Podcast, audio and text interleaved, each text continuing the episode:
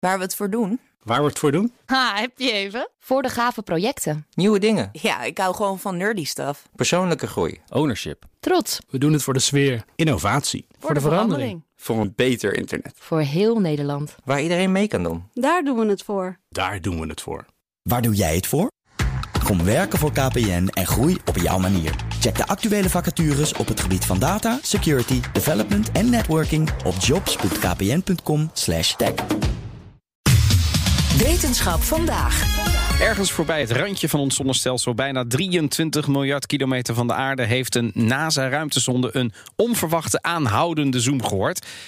Wetenschapsredacteur Carlijn Meinders, die ruimtesonde, dat is een oudje? Ja, dat klopt. Het gaat om de Voyager eh 1. En vertelt Floris van der Tak meteen, eh, onderzoeker aan de rug en bij Esron. Dat is ook een van de redenen dat het zo bijzonder is dat ze dit nu hebben ontdekt. Hè, dat ding is gelanceerd in 1977. Dus veel luisteraars waren toen waarschijnlijk nog niet eens geboren. En eh, het is dus het, het, het ding wat de mens heeft gemaakt, wat het allerverste is gekomen. En dat zal het, ook, eh, zal het misschien ook wel altijd blijven.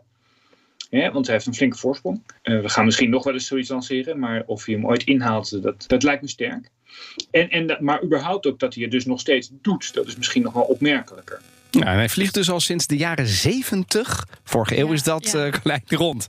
Dat is bizar, toch? Nou. Eh, eh, momenteel bevindt hij zich dus op bijna 23 miljard kilometer van de aarde. Meer dan 150 keer de afstand van onze planeet naar de zon. Dat was voor Van der Tak niet zo heel ver weg. Want de eerst, eerste ster die is nog een stukje verder. Maar voor ons, gewone Nederlanders, is dat gigantisch ver.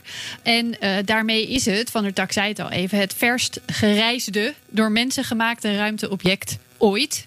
Ja, en eh, Carlijn, toch even tussendoor. Mochten mensen een zoom horen, dan komt het, want dat is jouw verbinding. Dus dat heeft niks met de NASA te maken. Die komt Eh, niet van nee, heel ik ver. Ja, precies. De zoom op de achtergrond eh, aanstaan, zodat iedereen het goed Oh kan ja, dat is heel Deze goed. komt gewoon uit Utrecht. Oh, fantastisch. Deze komt uit Utrecht, ja. Ehm, maar die missie die zit er dus nog niet op. Nee, nou de bedoelde missie, die is eigenlijk al een tijdje klaar. Het doel was om eh, langs alle planeten van ons zonnestelsel te vliegen, of in ieder geval die naar buiten toe dan.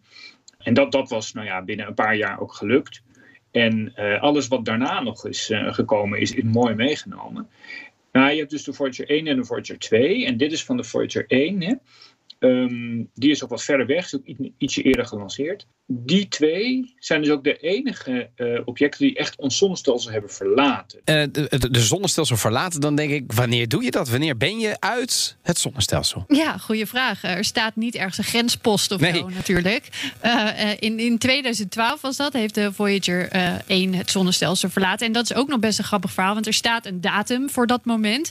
Maar destijds was het heel erg onduidelijk. Is hij er nou uit? Is hij er nou toch niet uit? Is hij er wel uit? Dat randje bleek eigenlijk een beetje Waar die grens dan precies ligt, dat heeft te maken met de dichtheid van deeltjes. Maar het hangt er bijvoorbeeld vanaf van hoe, eh, hoe actief de zon is. Hè? Want die straalt niet alleen licht uit, maar zendt ook eh, deeltjes uit. Dat heet de zonnewind. Hoe ver die komt, bepaalt eigenlijk die grens. Die zonnewind is ook niet constant. Die is soms wat sterker, soms wat minder sterk. En daarmee beweegt die grens dus ook mee eh, heen en weer. Ja, dat is allemaal goed en wel, maar wat hebben ze nou precies gemeten? Ja, even focussen, terug op het Ja, nieuws. toch? Ja. Al die reizen, maar uiteindelijk doen ze dat niet voor niks, toch? Nee, dit is ook allemaal heel interessant. We kunnen hier uren over praten. Oh, maar dat ben ik met je eens, Carlijn. Dit laatste is een onderzoek geweest van wetenschappers van Cornell University in de VS. Eh, die hebben dit uit de data gevist van de Voyager. Voorheen werd er zo ver weg ook wel eens iets gemeten. Maar dat kon dan dankzij die uitbarstingen van de zon. Die zorgen voor een soort schokgolf door de ruimte. En die kan de Voyager dan weer opvangen. En daarmee kon er eerder al wel eens iets gezegd worden over de dichtheid van de ruimte. En nu hebben ze dus voor het eerst ontdekt dat er ook een soort eh, constant signaal is. Of althans dus dat je niet meer afhankelijk bent van zo'n uitbarsting op de zon. Eh, maar dat je ook eh, constante metingen kunt doen. En daaraan kunnen ze dus zien dat inderdaad die dichtheid varieert. Ik geloof dat die een beetje is, nou, best wel een beetje is toegenomen in de loop van, van een paar jaar. Op zich verwacht je niet dat het overal precies even dicht is. Dat, dat nou ook weer niet. Maar dat dat zoveel, dus iets van een factor 10, dat is wel opmerkelijk. Ik ga toch even de alfa-vraag stellen, Carlijn, bij Altijd Nieuws. Wat vertelt dit ons nou? Wat, wat weten we nu? Ja, door welke materie? Je zou, als je dit hoort, zou je kunnen denken: aliens. Er is Uh, ja. ergens iets wat we horen. Dat is het dus in dit geval niet zo. Maakt het niet minder interessant, want we weten hierdoor beter door welke materie ons zonnestelsel nou eigenlijk onderweg is. Eh, ons zonnestelsel verplaatst zich. Ik weet niet of je daar ooit bij stilstaat. eh, met ongeveer 720.000 kilometer per uur. Het zijn dagen dat ik daar Eh. niet over nadenk. ja, nou, en, en waar gaat dat nou precies doorheen? Is de dichtheid van die materie, wisselt dat op verschillende plekken? Eh, en ze hebben dit signaal nu geloof ik terug kunnen volgen tot in 2017. En dan ga je terugkijken in de data. Een constante trilling dus. En het zou heel interessant zijn om nog te kijken, blijft dit? Is hij er altijd? Waarom kon hij nu pas gezien worden? Is die dichtheid overal wisselvallig of alleen in een bepaald stukje van de ruimte? Eh, en, en daarnaast blijft het natuurlijk heel mooi dat de Voyagers, de Voyager nog steeds bijdraagt überhaupt aan onderzoek. Ehm, want de rest van de kennis hebben we natuurlijk over dit gebied dankzij telescopen en, en berekeningen en schattingen. Eh, maar dit wordt echt gemeten. Net, net bijvoorbeeld als dat stukje planetoïde dat binnenkort terug naar de aarde komt. Eh, dat is een tastbaar monster en een echte meting. En dat is iets, toch wel iets heel anders dan een schatting of een berekening. We zijn weer wijzer. Dankjewel, Carlijn.